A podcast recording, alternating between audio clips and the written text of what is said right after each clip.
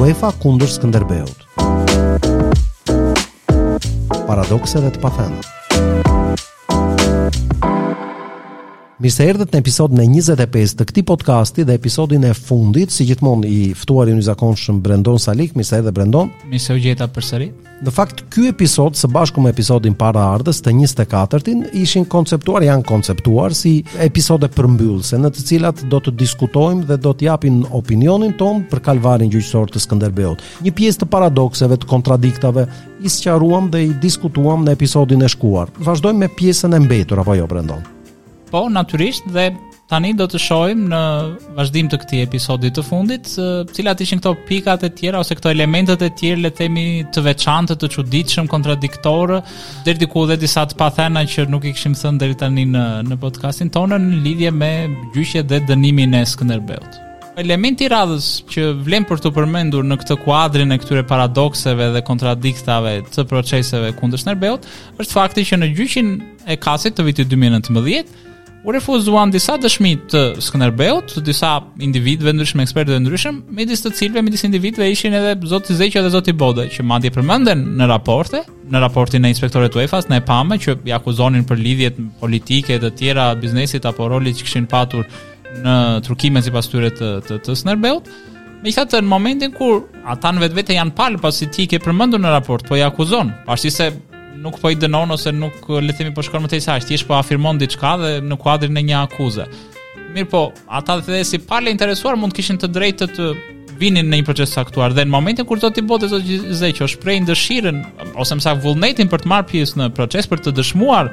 në seancën që do të zhvillohej në Lozanë të Zvicrës, KAS-i bën atë që ne e përmendëm episodet e kaluara, pra që i jep atë asistin UEFA-s që thotë jo, dëshmitë do t'i sillni me shkrim, pavarësisht se kishte shtyrë disa herë afatet e dorëzimit të dëshmive, si për klubin si për UEFA-n, dhe në fund arriti në konkluzionin që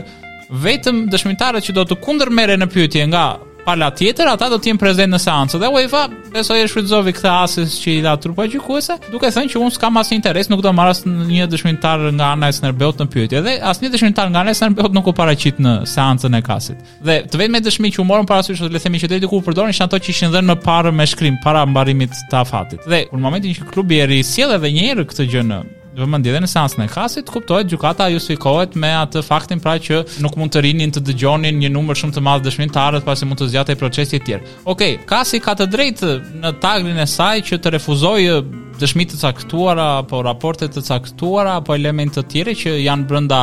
le të themi fuqisë së trupit gjykues, Megjithatë, unë besoj apo dhe shumë juristë të tjerë në qoftë se do kishim qenë në vendin e tyre, në një proces të rregullt gjyqësor do ishim përpjekur që të gjitha palët të shprehnin të gjitha pikëpamjet e tyre, të gjitha qëndrimet e tyre, të shprehnin nëpërmjet dëshmitarëve të ndryshëm, le të themi të përpiqeshin të argumentonin, të mbronin uh, interesin e tyre, le të themi në një proces gjyqësor dhe siç do ta merrte për shembull në rastin konkret do vinte të dëshmonte zoti Bote, zoti Zeqo apo individë të tjerë apo ekspertë të tjerë që mund të sillte klubi, siç do t'i merrnin në pyetje avokatët e klubit para trupit gjykues, Dhe UEFA do të ishte e lirë t'i merrte në pyetje, t'u drejtonte të gjitha pyetjet që donin ashtu dhe trupi gjykues. Dhe këtu s'kishte asgjë të keqe dhe nuk besoj se po të merreshin në pyetje disa dëshmitarë do të shkonte procesi në kalendat greke dhe do të zgjatej përtej afateve të mundshme. Në fund fundit nuk ka rëndësi çfarë besojmë ne, a janë dhe dëshmitar thirrja e dëshmitarëve, dëgjimi i tyre brenda procedurës gjyqësore, pse të mos shfrytëzohen? Kjo është ideja. Megjithatë këta e argumentojnë me këtë efektin kohor dhe e lënë mënjanë. Ndërkohë, Një element tjetër për t'u përmendur, po në gjyqin e kasit,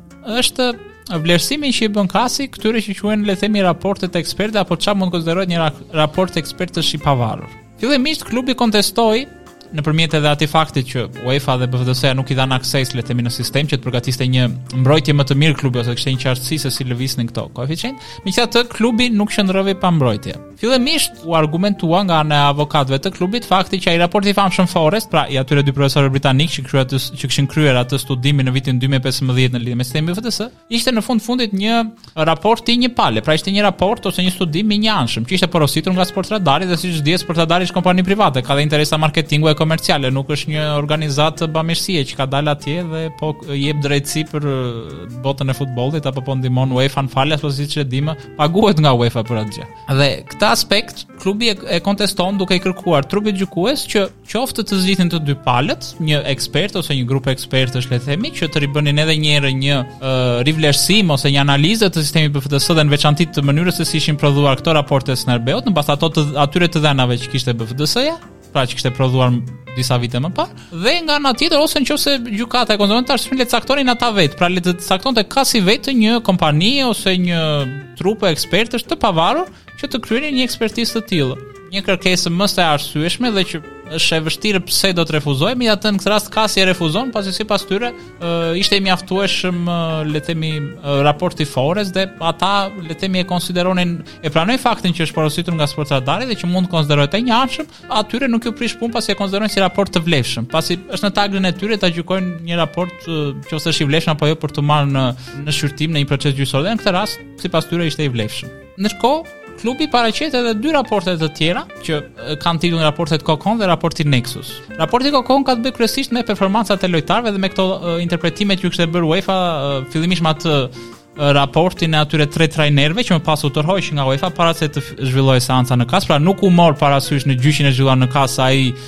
komenti që pamë ne në raportin e dy inspektorëve të UEFA-s në vitin 2018 që ne prezantuam në podcastin tonë. Pra, ato komente të atyre trajnerëve që kishte përzgjedhur UEFA për të interpretuar le të themi lëvizjet e lojtarëve ose rendimentin e lojtarëve të Skënderbeut në fushë, për të lidhur me momentet kur ishin luajtur koeficientët, më thënë trajnerë tre trajnerë tutë rrojën UEFA nuk e solli në gjyq. Kurse klubi nga ana e tij kishte përgatitur një kundërraport me ekspertët e tij, me trajnerë, nëpërmjet të cilit themi jepnin argumente pse nuk mund të quheshin shkelje, le të themi pse mund të kishte një rënie rendimenti qoftë nga ana fizike, psikologjike apo për arsye të tjera le të themi, dhe që ia paraqiti si provë Kasit dhe që u mor në shqyrtim, u mor parasysh në gjyq ky aspekt. Nga ana tjetër, klubi solli edhe dëshmitë me shkrim në këtë rast, pasi kuptohet nuk mund të ishin të pranishëm në seancë, edhe të shumicës të ish trajnerëve dhe ish lojtarëve, jo thjesht atyre që përmendeshin në raportet e BFDS-së, por edhe të pjesës tjetër të ekipit ku të gjithë e mohonin le të themi që kishin pasur dijeni apo kishin marrë pjesë në trukime ndeshjesh. Megjithatë, këtë aspekt nuk është se do të ndryshonte ndonjë gjë të madhe, pasi sipas Kasit nuk është se ata prisnin që lojtarët apo drejtuesit e Skënderbeut të pranonin vetë. Megjithatë, nga një aspekt mund të themi që Ata mund të bënin shkelje qoftë sportive, qoftë edhe të një natyre tjetër, pasi mund të cilësohen më vonë, në qoftë se do të provoheshin, le të themi, prova konkrete shkelje të Skënderbeut, mund të gjykoheshin për dëshmi të rreme, kështu që edhe aq pa vlerë nuk është se janë ato dëshmitë le të themi që e mohojnë trukimin e ndeshjeve nga ana e zyrtarëve apo lojtarëve të Skënderbeut.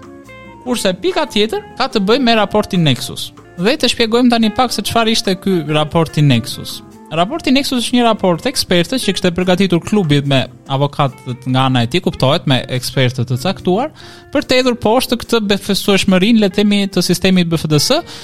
thjesht duke u bazuar në të dhëna analitike pasi thamë, nuk pati mundësi klubi të kishte akses në të dhënat e BFDS-së. Para trupës së Kasit është paraqitur fakti që nga ana e këtij raporti, që është marrë në shqyrtim dhe është pranuar nga ana e Kasit, që raportet e BFDS-së nuk ofrojnë as shuma të caktuara parash, as se sa kanë lëvizur le të themi këto shuma që nga fillimi i ndeshjes ose në fund të ndeshjes, as le të themi gjetje të tjera se sa kanë qenë limitet që për shembull kompania SBO Bet domethënë ka ofruar për një ndeshje të caktuar caktuar apo sa kanë qenë le të themi shuma e bastave që janë bërë në një treg të caktuar kryesisht në tregun aziatik, meqenëse këta pretendonin që ishin kryesisht në tregun aziatik, apo në qoftë se ndeshjet ishin ofruar me një limit risku të ulët apo elemente të tjerë teknikë, që ky raport i, prezent, i prezanton shumë qartë dhe Duke qenë se ky raport e vë në dyshim besueshmërinë e BFDS-së që këta e ritheksojnë, e riafirmojnë, e propagandojnë ne përsëri 100%, Ja pra që e shohim që paska edhe mungesa, paska edhe çalime ose paska edhe le të themi vakume në këtë raportin apo në këtë sistemin BFDS që këta e propagandojnë ne si të saktë e të besueshëm. Sistemi mund të jetë i saktë, po në 100% është e vështirë dhe ja ku dolën elemente që klubi pa hyrë në të dhënat e sistemit, thjesht nga jashtë, ekspertët e klubit kishin nxjerrë këto gabime, le të themi ose këto mungesa brenda sistemit. Mirëpo këtu fillon dhe më e bukura. Ndërkohë që në një gjyq besoj tjetër me ndonjë klub shumë më të fuqishëm se Skënderbeu, elemente të tillë do kishin qenë më se të mjaftueshëm. Në rastin konkret, çfarë bën trupa gjykuese e KAS-it? duke parë procesin që ndiqet, pra atë fa, atë procesin me tre faza dhe pra si prodhohet një raport BFDS-je, paneli i KAS-it konsideron që meqenëse nuk iu referohen në këto raporte, në rastin konkret kundër Skënderbeut, elementet e tilla që kishte vënë në dukje ky raport i ekspertëve që kishte sjellë klubi, atëherë këto rrethana duhet të kihen parasysh. Deri këtu shumë okay. Pra, trupa gjykuese duhet të vendosë që këto prova, në thonjëza prova, ose këto elementë, këto raporte të BFDS-së që UEFA dhe Sportradari i kanë sjellë, na dolën që nuk qenkan kaq të plota dhe të qepura kaq mirë edhe që s'paskan asnjë mangësi. Ja që na dolën mangësi. Nga një anë e pranon këtë mangësi, mirëpo në vend të japë konkluzionin që normalisht të gjithë do prisnin me logjikën që të hidheshin poshtë këto raporte, KAS-i bën të kundërtën. dhe thotë gjithsesi paneli sugjeron që në raportet e ardhshme këto informacione duhet të përfshihen për hir të transparencës. Pra, nga njëra anë këtu Skënderbeu po dënohet, po gjykohet dhe për më tepër po dënoheshe me 10 kualifikime që ishte si dënim me vdekje, po edhe sikur të ishte 10 vjet, s'do mend, prapë ishte dënim ekstrem. Dhe nga ana tjetër thonë për hir të transparencës përfshijini herët të tjera. Në këtë rast punë e madhe se po e dënojmë ne Skënderbeun. Gjë që për mua domethënë është fyese nga ana e trupit gjykues se si e ka interpretuar këtë element të caktuar. Ndërkohë, elementi tjetër i veçantë që duhet përmendur para se të kalojmë në pika më pikante le të themi e, e këtij vendimi të KAS-it është fakti që inspektorët e UEFA-s qoftë se e mbani në raportin e tyre afirmonin që domethënë ok, në qoftë se kur ndodh një trukim ndeshje normalisht mund ta trukojnë vetëm aktorët në fushë, pra, o lojtarët o arbitrat. Dhe në rastin konkret ata dyshimet i hidhnin mbi lojtarët e Skënderbeut. Mirëpo, rolin e arbitrave këta e përjashtonin fare. Pra, kur përjashtoj një element të caktuar ose një individ të caktuar nga gjykimi, ideja është që unë bëj një hetim paraprak. Minimalja thjesht i marr në pyetje. Domethënë, orej, arbitrave t'ju thuhet, o, kishit dijeni, keni pasur dyshime, ju ka rënë në sy, pyetje minimale, gjë minimale. S'po them më që duhen bërë dhe hetime të tjera për të provuar. Dhe madje vetë këta në rastin e atij ekipit armen, kur përmendin sukseset e BFDS-së në raportin e tyre, inspektorët e UEFA-s kishin përmendur një shembull që kishte gjykuar një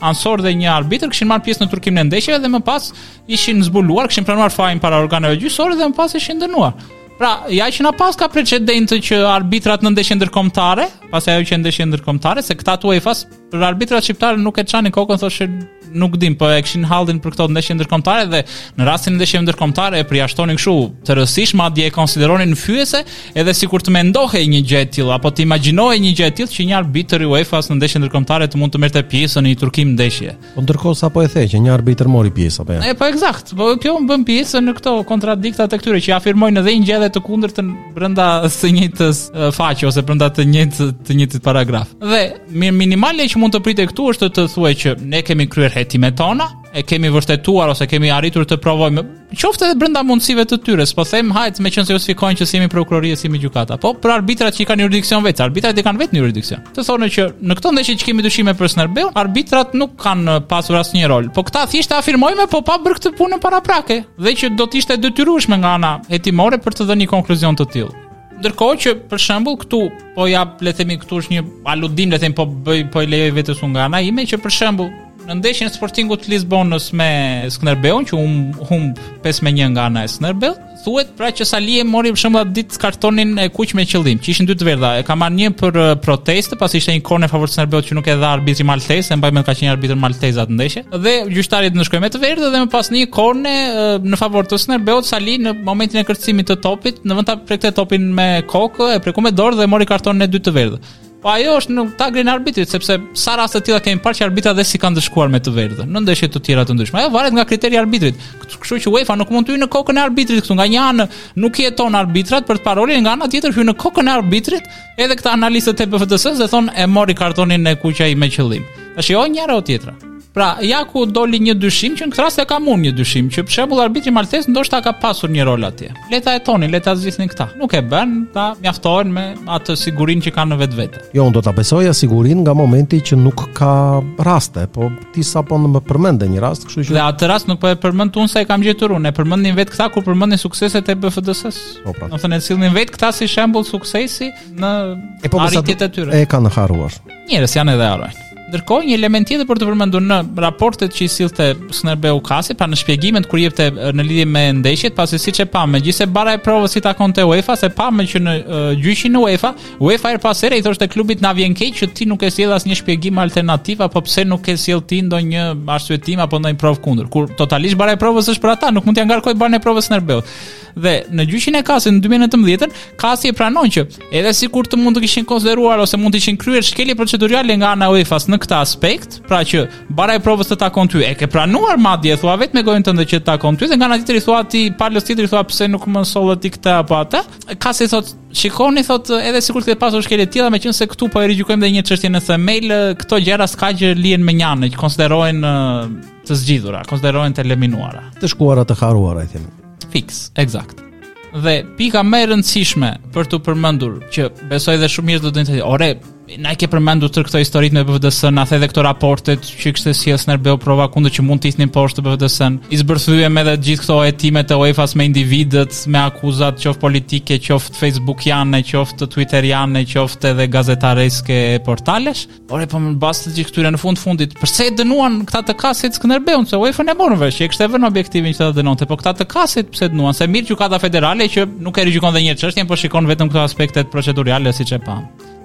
Atëherë, paneli i kasit në konkluzionet e tij thotë këtë gjë. Provat, në thonjëza provat, ose elementet e provave që janë përdorur në rastin e Skënderbeut, pra këto raportet e BFDS-së kryesisht pasi këto elemente të tjera thamë, nuk është se kanë ndonjë vlerë reale provash, pavarësisht se këta i përmendin për të justifikuar këtë kontekstin e dyshimit e tjera e tjera. Pra, këto elementet e provave në pikëpamjen e panelit nuk do të kishin qenë kaq le të themi përfundimtare ose decizive për të dënuar Skënderbeun në qoftë se vetëm një ndeshje do kishte qenë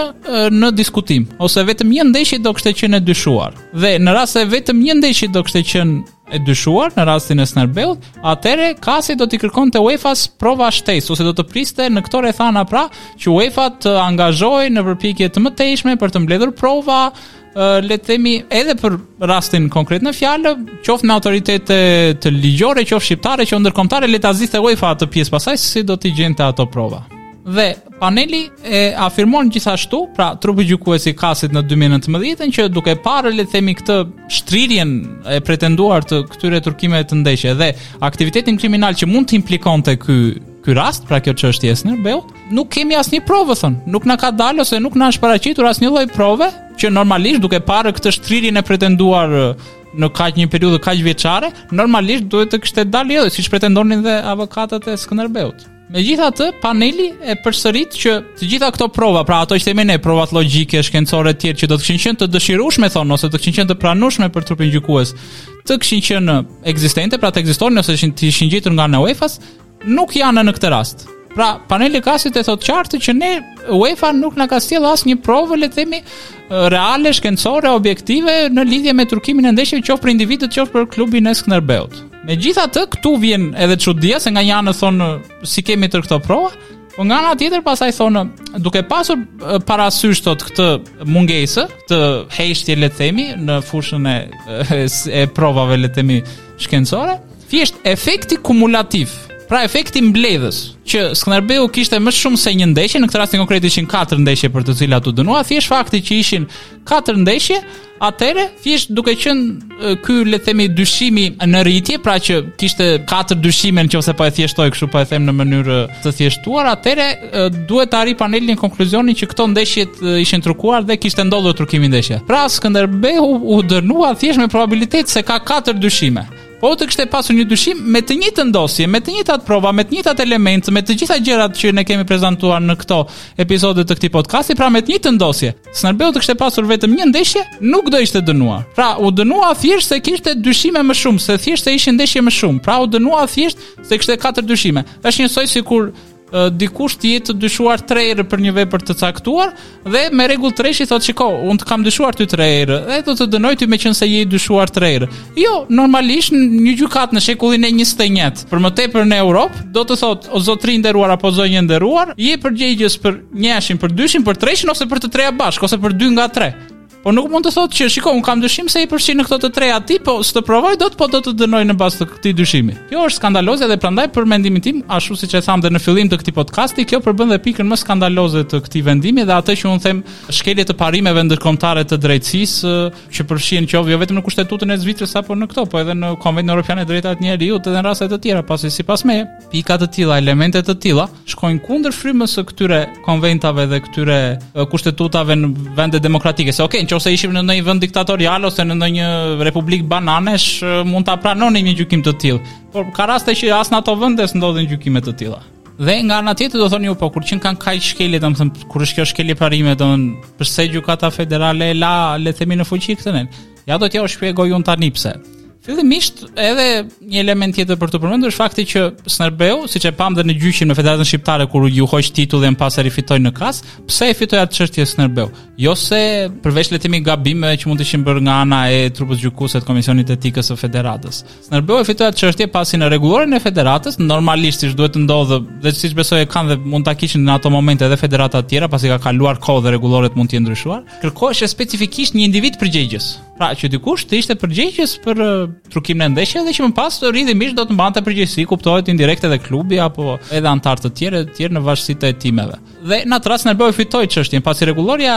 e kodit disiplinës sportive të Federatës Shqiptare të Futbollit kërkonte individ. Individ kuptohet, s'kishte as në atë rast, Skënderbeu e rifitoi më pas titullin kampion dhe iu hoqën dhe gjobat dhe 12 pikët minus që ul, ulën nga renditja në vitin 2016. Ndërkohë që UEFA nuk e kishte këtë gjë të tillë. Madje që ai interpretimi i atij nenit të famshëm pra 12 që avokatët e Skënderbeut e sulmuan e çuan dhe deri në gjykatën federale, pra që nga një anë neni 12 i UEFA-s kërkonte ose le të themi thoshte shkel, domethënë që të konsiderohet trukim ndeshje duhet të jetë shkelur nga kushdo ose nga çdo person. Këtë togfjalëshin pra kushdo ose çdo person, klubi kuptohet e interpretoi, normal siç edhe do i interesonte, është logjike, që duhet gjetur ose le të themi duhet akuzuar konkretisht një individ i caktuar që më pas të aktivizohet edhe dënimi i klubit që të rrjedhë edhe përfshirja indirekte e klubit, pasi Skënderbeu siç e thamë, nuk u dënua për përgjegjësi direkte, por për përgjegjësi indirekte. Pra klubit iu vu në bazë të atij nenit tetë pra që ishte ai neni që përdorej kryesisht që thamë edhe në rastet kur një tifoz mund të hedhë një send të palejuar në fushë dhe mund të dënohet klubi disa ndeshje pa tifozë. Pra në bazë të asaj logjike u përdor ai nen për të dënuar Skënderbeun. Dhe neni 12 që klubi e interpreton në këtë mënyrë, UEFA interpreton në mënyrë tjetër, thotë jo, ne s'e kemi të nevojshme që të gjejmë konkretisht atë një individ që ta dënojmë dhe më pas të dënojmë edhe klubin e caktuar. Gjë që është e kundërta me precedentët e mëparshëm që kishte ndodhur deri tani. Pasi për shembull dhe në rastin e Beshiktasit, Fenerbahçe dhe këto qenë arrestuar zyrtarë, portierë, apo dhe në rastin e Pobedës që e morën këta me qejfin më të madh, meqenëse ishte dënimi më i madh ekstrem që t'i aplikonin Skënderbeut një dënim dhe më ekstrem, u dënua presidenti, u dënuan disa zyrtarë të klubit apo dhe lojtarë dhe u dënuan me pezullime sportive për jetë ose me një periudhë disa vjeçare. Pra ajo që pritet nga UEFA, se unë s'po i them UEFA-s që futi ti në burg, se ajo është tagër pastaj i prokurorive apo gjykatave shtetërore të shteteve përkatëse. Po pra ti mund të japësh dënime sportive. Këta ngaqë s'kishin fare prova, siç e pamë as dënime sportive nuk dhanë. Domethënë me këtë dënim skandaloz që dhanë, bënë një dënim kolektiv të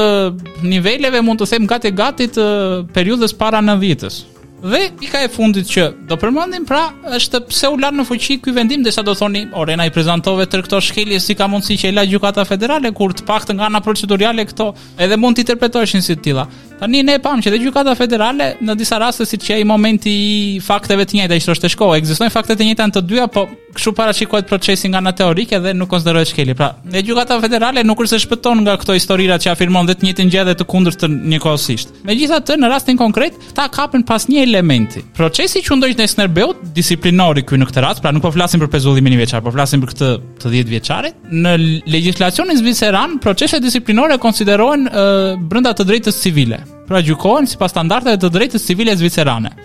Në qoftë se do gjykohen sipas standardeve të drejtës civile zvicerane, Standarti i provës që duhet zbatuar është përtej dyshimit të arsyeshëm. Pra, në qoftë se do të zbatohej ky standard në rastin e Skënderbeut, Skënderbeu s'kishte shans të dënohej, pasi nuk ka asnjë provë përtej dyshimit të arsyeshëm, se këta vetëm me dyshime dhe siç e pamë me probabilitet e dënuan Skënderbeun. E do thoni ju, po kur është ky ligj atëherë si s'e zbatuan këta të gjykatës federale. Mirë, po këtu qëndron e bukura. Në një vendim të mëparshëm të gjykatës federale, duke tejkaluar edhe precedentët e mëparshëm të KAS-it, pasi KAS-i disa vite më parë, në rastin e dënimeve disiplinore, një trup tjetër gjykues në një rast tjetër, Kishte thënë që në rastet e dënimeve disiplinore do kërkohen prova më të forta, duhen elementë më të fortë. Këto precedentët që kanë qejf këta, kur janë kundër Skënderbeut, i gjejnë, kur ishin këto që janë në favor të Skënderbeut dhe që i sillnin avokatët e Skënderbeut, aty nuk iu pëlqen dhe i lënë mënjanë. Po themi që siç janë precedentët në favor që këta i interpretuan sipas interesit për të dënuar Skënderbeun, kishte edhe precedentë nëpërmjet të cilave mund të argumentohej dhe pafajësia e Skënderbeut. Pra në këtë rast nuk është se le të themi ka pasur mangësi nga ana ligjore në argumentimin e tij mbrojtja e Skënderbeut.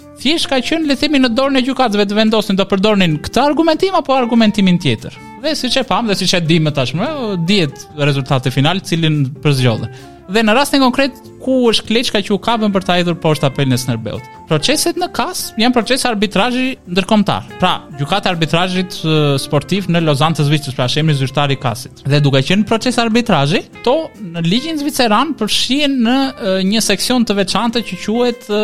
seksioni i ligjeve ndërkombëtare i të drejtës private, pra përfshihet në një seksion të veçantë ligjor brenda ligjeve zvicerane. Dhe si i tillë, duke qenë se dhe UEFA pra është një organizatë private dhe organizatë ndërkombëtare në këtë rast, megjithë dhe meqenëse e ka selinë në Zvicër, duke u bazuar në këtë shteg le të themi, siç argumentojnë më pas edhe avokatët e UEFA-s, pra duke hyrë në këtë shtegun e të drejtës private dhe meqenëse janë në këtë rast konkret një gjyq arbitrazhi, ky që zbaton KAS-i midis UEFA-s dhe Skënderbeut, atëre ligji zviceran në këtë rast u jep mundësinë në gjyq arbitrazhi duke U mbrojtur me justifikimin që përdor UEFA pra që s'jemi organe ligjzbatuese që të gjejmë prova, domethënë është e vështirë për të zbuluar trukimin e ndeshjeve, korrupsionin etj etj.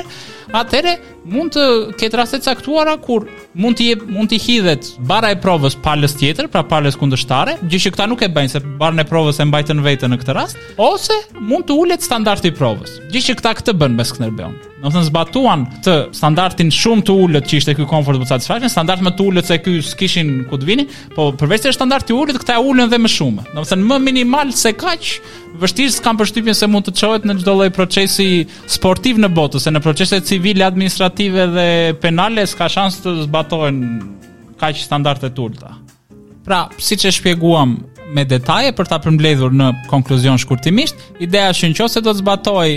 ideja që procedura disiplinore ndaj Skënderbeut do të gjykohej sipas të drejtës civile zvicerane, Skënderbeu e fitonte çështjen pasi do të zbatohej një standard prove përtej dyshimit të arsyeshëm dhe në këtë rast konkret siç e pamë nuk u zbatua, kurse UEFA siç e pamë u bazua në këtë shtegun e dytë pra që jepet te ligji zviceran që e ul standardin e provës pra në këtë shtegun që jep për të drejtën e arbitrazhit ndërkombëtar e shfrytëzoi UEFA për të mbrojtur pikëpamjen dhe qëndrimin e saj dhe për të ulur standardin e provës në minimumin e mundshëm për të dënuar Skënderbeun. Dhe kjo është pra pse u dënua Skënderbeu nga ana ligjore, pse gjykata federale nuk e hodhi poshtë le të themi midis të tjerave, pasi pati dhe argumenta të tjerë që i pamë me detaje, po edhe ky aspekt ishte për t'u përmendur. E fundit fare që mbetet për t'u sqaruar se vazhdon të mbetet si pyetje, si pikëpyetje, është pikërisht kjo. Kanë qenë 10 ose u dha dënimi me 10 kualifikime apo me 10 vjet?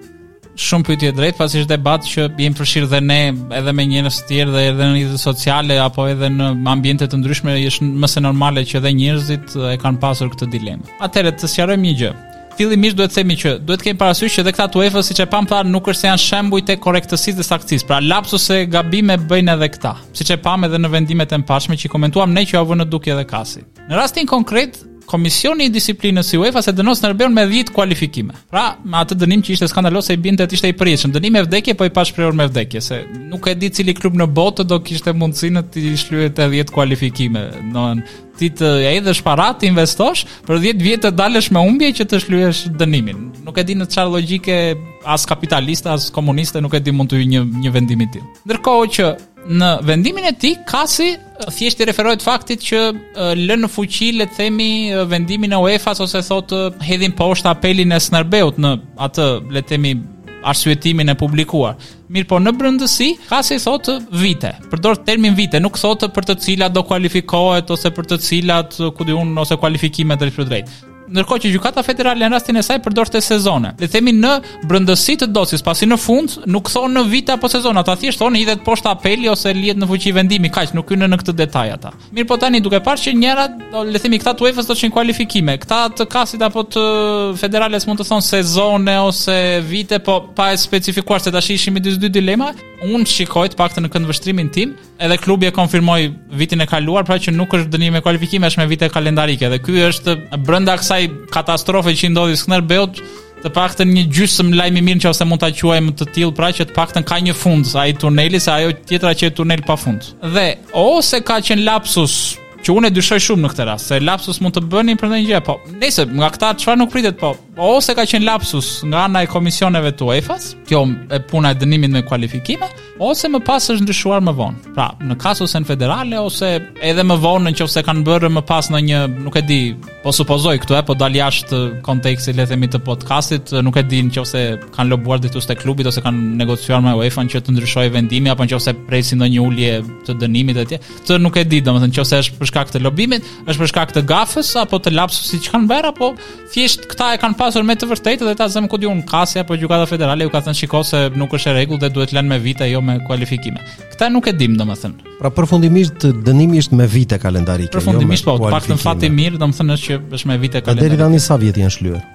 Atëherë edhe këtu është një dilemë tjetër që ka hasur debatet, pasi sidomos në kontekstin e atij dënimi me kualifikime që është shumë e rëndësishme. Fillimisht, siç e pamë pra procedura e pezullimit njëvjeçar të Skënderbeut në 2016-ën, jo konkret, vetëm konkretisht, por dhe teorikisht në rregulloret edhe në UEFA dhe në në gjykimin në CAS konsiderohet si dënim më vete, pra konsiderohet si fazë e të njëjtit proces, pra bashkë me dënimin disiplinor X, sado qoftë të kishte qenë ai, me në këtë rast ishte 10. por që ishte proces më vete. Pra, që ishte dënim më vete, nuk konsiderohej le të themi, pra konsiderohej si masë pezullimi, nuk konsiderohej si dënim në vetvete. Pavarësisht se kishte këtë komponentin pra këtë përbërësin e dënimit në vetvete. Pra, se pezullimi njëvjeçar është dënim në vetvete. Mirëpo, CAS-i në vitin 2019, pra në këtë vendimin që la në fuqi dënimin e Skënderbeut, në paragrafin 151, thotë që paneli, ose më saktë trupi gjykues i CAS-it në këtë rast, vëren që Periudha e pezullimit njëvjeçar që ja, që iu imponua klubit në e, masën administrative, pra në vitin 2016, do të merret në llogari në masën disiplinore në mënyrë që në, të mos ketë një sanksion të dyfishtë. Pasi edhe kjo pjesë qe e rëndësishme pra në atë pikën, siç e thamë në atë ne bis in idem-in, pra që të mos ketë dënim dy herë për të njëjtën gjë, edhe këta për ta mbrojtur veten, pasi pastaj mund të konsideroheshe shkelje proceduriale në gjykatën federale ndoshta, edhe këta për t'u mbrojtur thonë që masa administrative meqenëse limitohet le të themi në rregullore vetëm Champions League-s, po mund të shtrihet edhe në kompeticionet e tjera të UEFA-s, atëherë në rastin konkret të Skënderbeut do të merret parasysh kur t'i llogaritet dënimi. Dhe meqenëse dënimi është me vite kalendarike, pra i bie Skënderbeu ka shlyer atë të 2016-s që do merret tashmë në llogari dhe në këtë sezon që mbyllet tashmë në verë në maj të 2022-shit, i bie që të, të shlyejë vitin e 6. Në qoftë se s'do të merrin në llogari, 2016-a i bie ky të ishte viti i pestë, pra të kishte shlyer gjysmën e dënimit. Meqenëse llogaritet 2016-a i bie ka shlyer ose do shlyejë tashmë me mbylljen e këtij sezoni, pak më shumë se se gjysma dhe ndoshta mund të ketë atë të drejtën që të bëjë një kërkesë ndoshta për ulje në në UEFA të ulje të dënimit. Gjithsesi, për të qenë korrekt me dëgjuesit që na kanë ndjekur deri tani, dua të bëj edhe një sqarim të fundit. Siç e thamë pra, në rast se do të llogaritet dënimi me vite kalendarike duke përfshirë 2016-ën do të llogariten 6 vite kalendarike, por në qoftë se llogaritet me sezone, ky mund t'i bjerë edhe sezoni 5. Pse ku është diferenca midis të dyave? Atëherë, viti kalendarik me sezonin nuk është njësoj, sepse viti kalendarik kuptohet, është një vit që fillon në janar dhe mbaron në dhjetor, kurse sezoni siç dihet fillon në gusht ose shtator dhe mbaron në maj ose qershor të vitit tjetër, pra zë dy vite të marra së bashku apo dy gjysma. Dhe në qoftë se do të llogaritet me sezone, Pra i bie sezoni 2016-17 që u pezullua Skënderbeu një vit që po merret në llogari, më pas sezoni 2018-2019, 2019-2020, 2020-2021 dhe ky i sivjetmi pra 2021-2022 që në total i bie 5 sezone. Pra, këtu më pas varet s'është në dorën tonë, është në dorën e UEFA-s apo atyre zotërinjve të tjerë si e llogarisin. Në qoftë se është me sezone, i bie që Skënderbeu këtë vit të shlyejë gjysmën e dënimit, në qoftë se është me vite kalendarike i bie të shlyejë vitin e gjashtë. Pra përfundimisht këto ishin të gjitha çka mund të dëgjonit nga ky podcast. Besoj se kemi realizuar qëllimin tonë apo jo Brandon. Edhe unë besoj se po dhe shpresoj që dëgjuesit që na kanë ndjekur që nga episodi i parë i këtij podcasti deri në episodin e sotëm final të jenë informuar në mënyrë sa më shteruese, sa më të plotë që ka qenë e mundur në lidhje me gjithë këtë kalvar gjyqësor të Skënderbeut në mënyrë kronologjike, ashtu siç e premtuam që në fillim, duke filluar që nga gjyqi në UEFA në lidhje me pezullimin njëvjeçar, gjyqi në CAS, më pas si rrodhën ngjarjet, procedurat edhe me gjyqet me Federatën Shqiptare të Futbollit në lidhje me heqjen e titullit të vitit 2016 dhe më pas kuptohet me atë raportin e famshëm të inspektorëve në lidhje me dënimin dhjetëvjeçar dhe gjyqet që rrodhën më pas si në UEFA ashtu dhe në CAS e deri në gjykatën federale në lidhje me me këtë dënim. U përpoqëm të hedhim dritë sa më shumë edhe mbi prapaskenat e këtyre vendimeve të UEFA-s, të CAS-it, të Gjykatës Federale, si dhe cilat ishin konteksti apo rrethanat që i shoqëruan këto vendime të klubit, ato idetë e protestat në Korçë, deklaratat e famshme të UEFA-s që mburrej me këto suksese që po arrinte kundër Skënderbeut, këto deklaratat në faqen zyrtare të UEFA-s pas vendimit të CAS-it dhe Gjykatës Federale, ku e propagandon si një sukses të jashtëzakonshëm fitimin e këtij gjyqi kundër Skënderbeut. Ë më pas ato historitë me kërcënimet që deri presidenti i UEFA zoti Ceferin doli në një deklaratë publike ku mbronte le të themi anëtarët e organizatës së tij ose anëtarët e Sportradarit, pavarësisht se nuk u vërtetua kurrë kush i kishte dërguar ato kërcënime dhe nuk u provua në asnjë lloj gjyqi apo në asnjë lloj rrethane tjetër. Në fakt gjatë gjithë kohës Brendon ke qenë objektiv dhe je munduar t'u përmbahesh fakteve, të dhënave, raporteve apo jo, dhe gjatë gjithë episodeve të, të këtij podcasti, përjashto dy episodet e fundit apo jo. Uh, Pikërisht sepse këtë ju premtuam edhe dëgjuesve tanë që në fillim të podcastit që do të bënim një proces le të themi sa më transparent, sa më objektiv në raportimin e atyre raporteve të atyre vendimeve në mënyrë që të gjithë ta kishin të qartë sa më shumë të jetë e mundur pse u dënua Skënderbeu, sepse ishte një pikëpyetje e madhe, sepse të gjithë diskutonin, diskutonin, po pa ditur realisht se ku ishin bazuar ato trupa gjykuese që e dënuan Skënderbeun dhe sa të drejtë apo të padrejtë kishin qenë ato vendime në këndvështrimin pastaj të gjithsecilit. Dhe në fund kuptohet ashtu siç gjithsecili prej nesh mund të ketë një opinion të caktuar mbi një çështje të caktuar edhe ne bazuar mbi fakte kuptohet jo thjesht në supozime apo në ajër